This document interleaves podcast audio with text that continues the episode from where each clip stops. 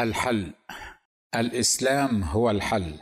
روى لي أحد القساوسة وكان يكبرني في السن بعشرين سنة. قصة طفلته الصغيرة التي لم تكن يومها تتجاوز السنة من عمرها.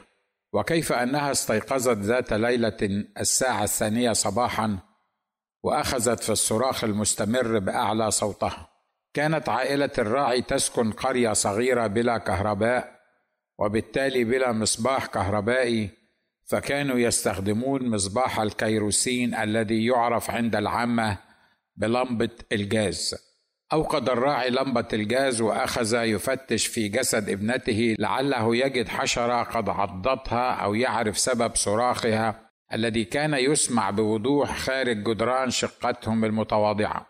ومع سكون الليل وقرب منازل القرية بعضها من بعض كان يبدو للراعي أن صوت طفلته يصل إلى أبعد منازل القرية.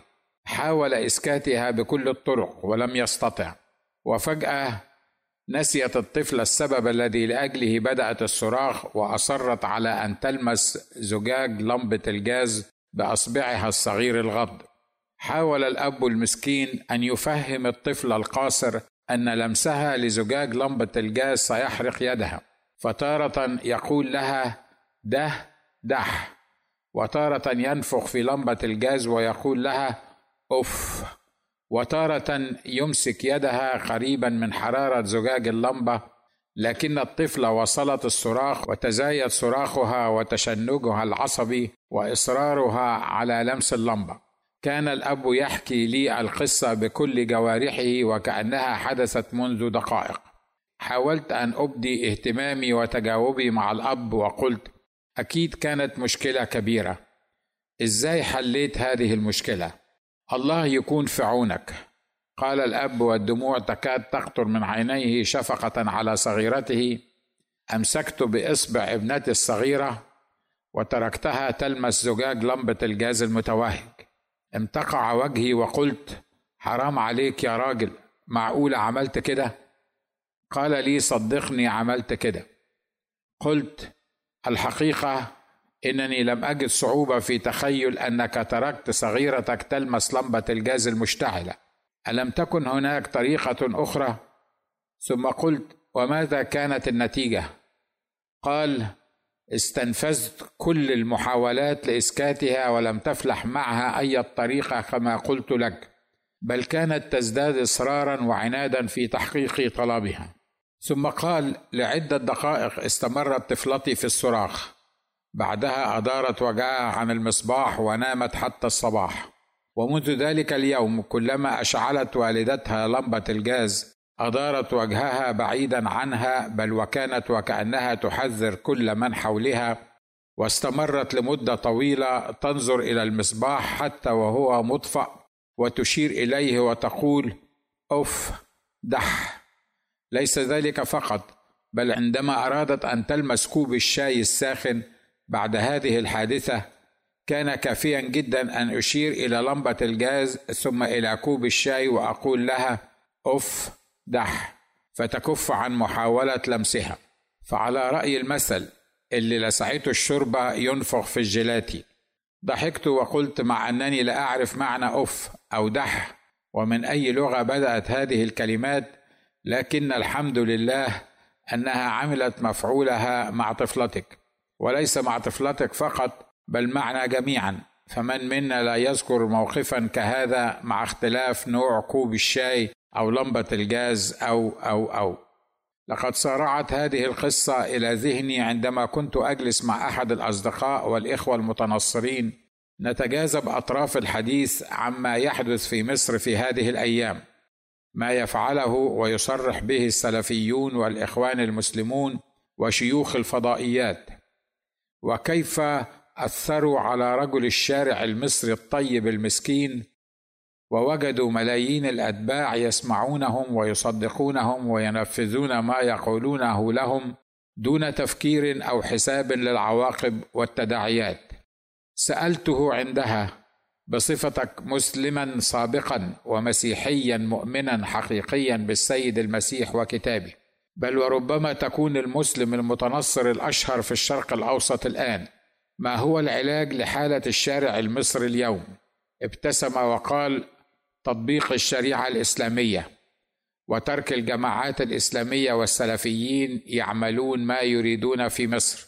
لم يكمل صديقي إجابته لكني فهمت قصده. وقفز إلى عقلي موضوع وعنوان هذا المقال وهو الإسلام هو الحل. وعندها تذكرت قصة الراعي وطفلته.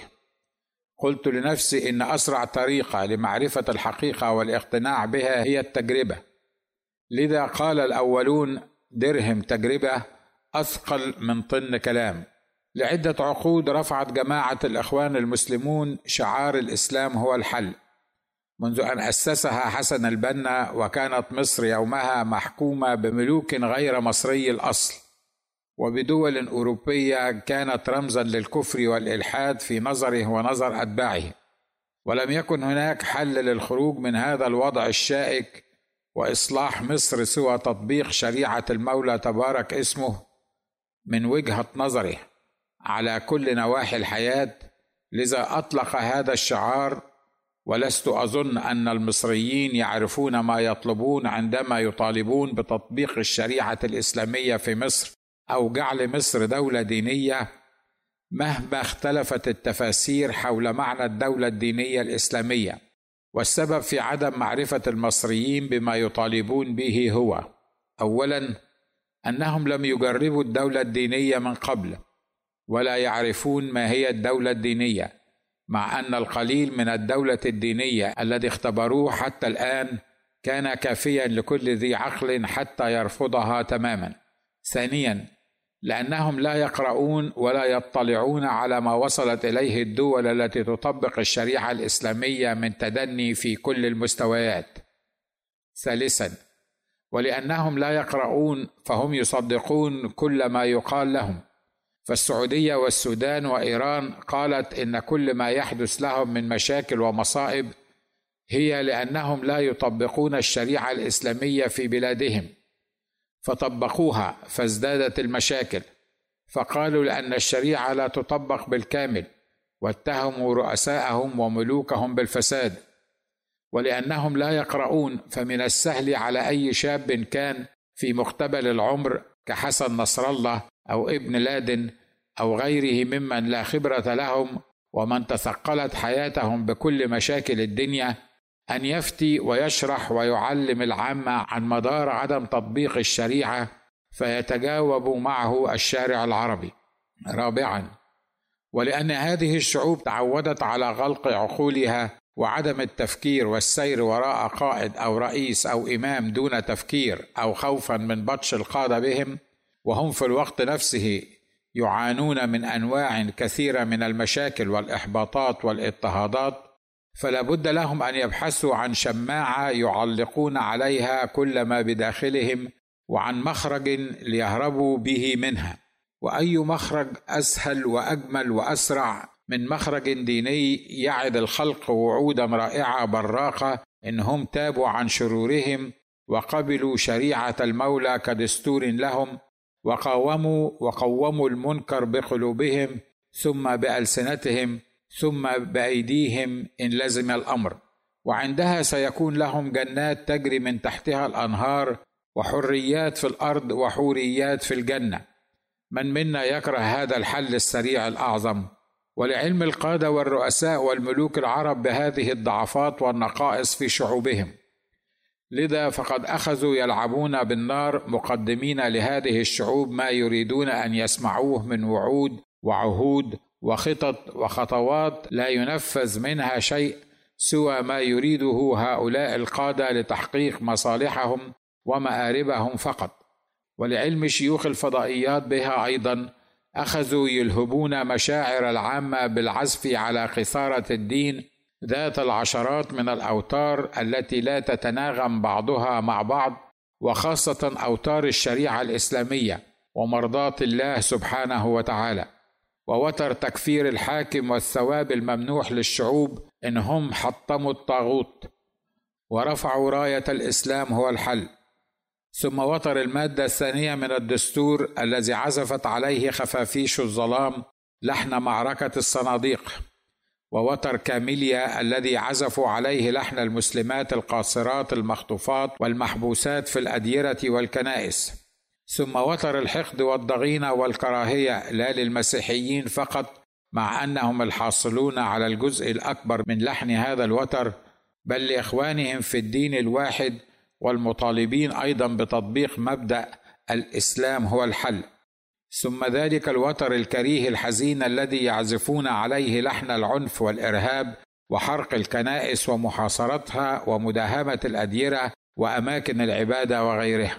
فإذا كان شعب مصر البسيط الطيب لا يفقه ماذا يطلب فعلينا كإعلاميين أن نقول لهم هذا دح اف مع علمنا الكامل أن هذا لن يجدي معهم في شيء وسيستمر صراخهم ويرفعون شعارهم الإسلام هو الحل. لأن الذين يشجعونهم على هذا الصراخ يتربحون من هذه الحركة الدينية ويمولهم ملوك ورؤساء يهمهم زعزعة الاستقرار والسلام في المنطقة العربية. ويهمهم أن يلهوا الناس في معارك دينية كمسلمين مع مسلمين ومسلمين مع مسيحيين. حتى لا يكون التركيز عليهم وعلى الفحشاء التي يرتكبونها في حق شعوبهم ودينهم والإنسانية كلها.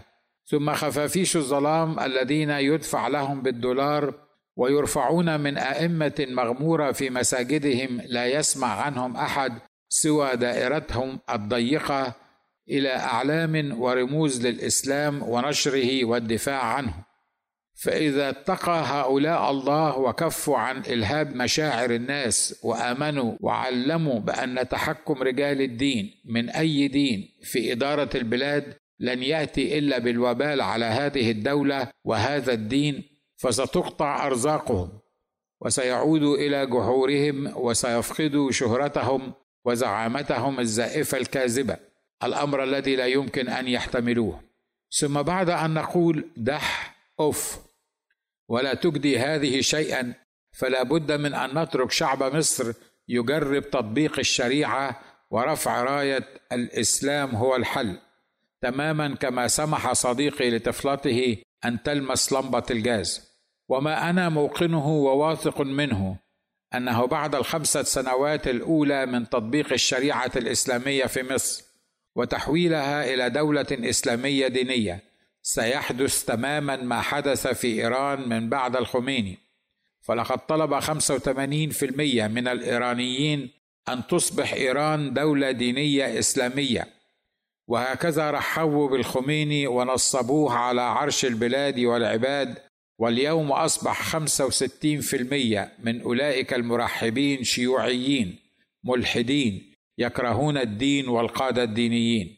في السعودية يطوف أعضاء الأمر بالمعروف والنهي عن المنكر في المدينة يضربون من لا يغلقون محلهم في وقت الصلاة. يجلدون كل امرأة يظهر منها ولو كعب رجلها. يوقفون السيارات ليطلعوا على رخص قيادة أي رجل تركب بجانبه امرأة.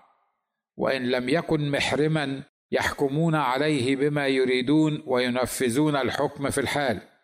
لا يرى أحدهم وفي يده زجاجة خمر في مكان عام وتمتلئ بها بيوتهم وفي إحصائية أخيرة قيل أن 45% من الشعب السعودي يمارسون العلاقات الجنسية المثلية ينفر السعوديون من الشريعة. الإنسان لا يمكن أن يتغلب على شهواته وملذاته بقدرته أو نتيجة لخوفه من الناس أو القادة أو الحكام. لا بد من متنفس من الشريعة فيلف الكل من الباب الواسع. بوابة مصر ذات الثمانين مليون والتي يعيش ثمانين في المية منهم تحت خط الفقر. الأسعار في مصر رخيصة بالنسبة للدول الأوروبية. العائلات فيها ترضى بقليله. ينزل فحول السعودية يسكنون في المهندسين والزمالك. البوابون معظمهم قوادون والشقق المفروشة معروفة لمباحث الأمن. تجارة عظيمة منتظمة يستفيد منها الكبير والصغير وكل واحدة بثمنها. بنات امبابه وبلاء لهم سعر العجوزة والمهندسين سعر آخر للبكر سعر وللمرأة سعر آخر. إذا كان من أولياء الله الصالحين الذين يؤمنون بالشريعة الإسلامية بريالات قليلة يضيف المازون عدة سنوات على عمر القاصر. وفي لحظات أصبحت الصغيرة زوجة البغل السعودي الحاج على سنة الله ورسوله. لا تراها والدتها إلا بعد انقضاء الصيف ورجوع الحاج إلى الأراضي المقدسة.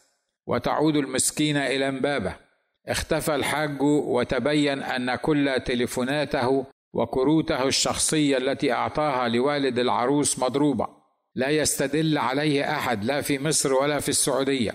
فقد عاد ليحج مرة أخرى وغفر له المولى ما تقدم من ذنبه وما تأخر. وتبقى الضحية في مصر شهورا قليلة ثم تحتضن طفلا سفاحا.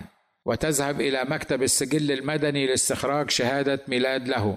تكتب اسم الوالد في شهادة ميلاد طفلها محمد عبد الستار فهي لا تعرف حتى اسم الحاج أبو الولد.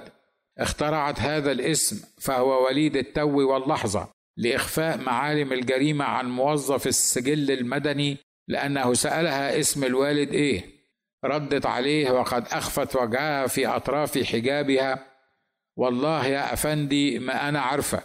ولم تفق إلا على صرخة الموظف الذي يؤمن أيضا بتطبيق الشريعة والدولة الدينية قائلا أعوذ بالله من الشيطان الرجيم. مش عارفة أبو ابنك يبقى مين؟ أستغفر الله. تبتسم المسكينه ابتسامة يائسة وتقول للموظف والجمع الواقف حوله إزاي يا أستاذ؟ في واحدة ما تعرفش اسم أبو ابنها مين؟ الحاج محمد عبد الستار. فيهز الموظف رأسه أمال ليه بتقولي إنك والله ما أنت عارفة؟ أصل كنت مشغولة مش مركزة معاك يا فندي وحياة أبوك ما تاخدش عليا أنت عارف الدنيا كلها مشاكل ومشاغل. اسمه محمد عبد الستار يا أخويا.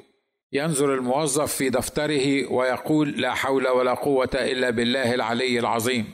ويكرر اسم الولد أحمد واسم الوالد محمد عبد الستار. اسم الوالدة محل الإقامة. الديانة مسلم ديانة الوالدة مسلمة ديانة الوالد مسلم. تتمتم الأم يا ريتني أقدر أقول لك ما تكتبش ديانته مسلم. هو ده مسلم؟ المسلم ما يعملش كده. تضحك الفتاة ضحكة بائسة وتقول لنفسها لا ده مسلم وحج ومن السعودية كمان ويعيش في مكة جنب قبر الرسول. يسلم الموظف شهادة الميلاد للأم تأخذها منه وتدس في يده جنيهات قليلة وتقول حاجة بسيطة على قد الحال. يخاطبها الموظف بقرف روح يا ست مع السلامة. تسير المسكينة في الشارع تتكلم لنفسها منك لله يا حج ربنا ما يكسبك ولا يجعل لك مقام في السعودية وما تشوف راحة طول عمرك لا أنت ولا اللي زيك. السيدات المحترمات المصريات زملاء العمل لا موضوع لديهن يحكون فيه إلا فتاوي خفافيش الظلام. تقول إحداهن لصديقتها شفت المخفي اللي اسمه الشيخ السحلاوي والفتوى المنيلة اللي كان بيفتيها على التلفزيون امبارح؟ لا ما سمعتوش. الراجل ده ما بحبش أشوف وشه.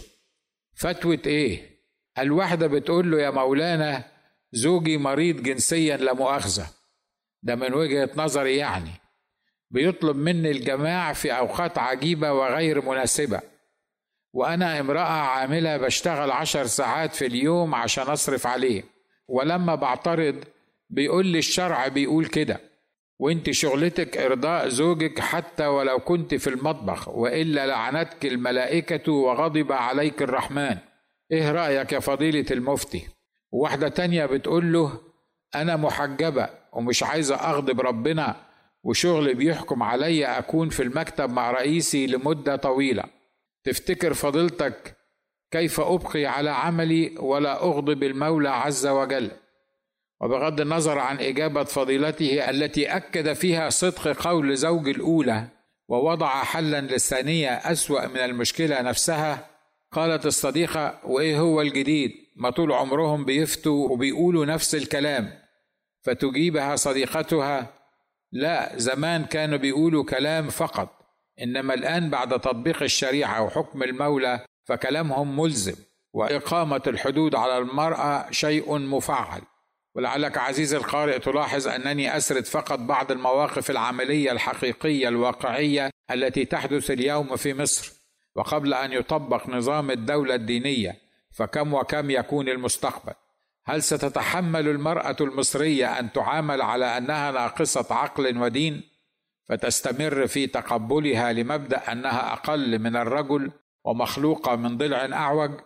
وشهادتها نصف شهادة الرجل لأن الرجال قوامون عليها بما فضل الله بعضهم على بعض درجات؟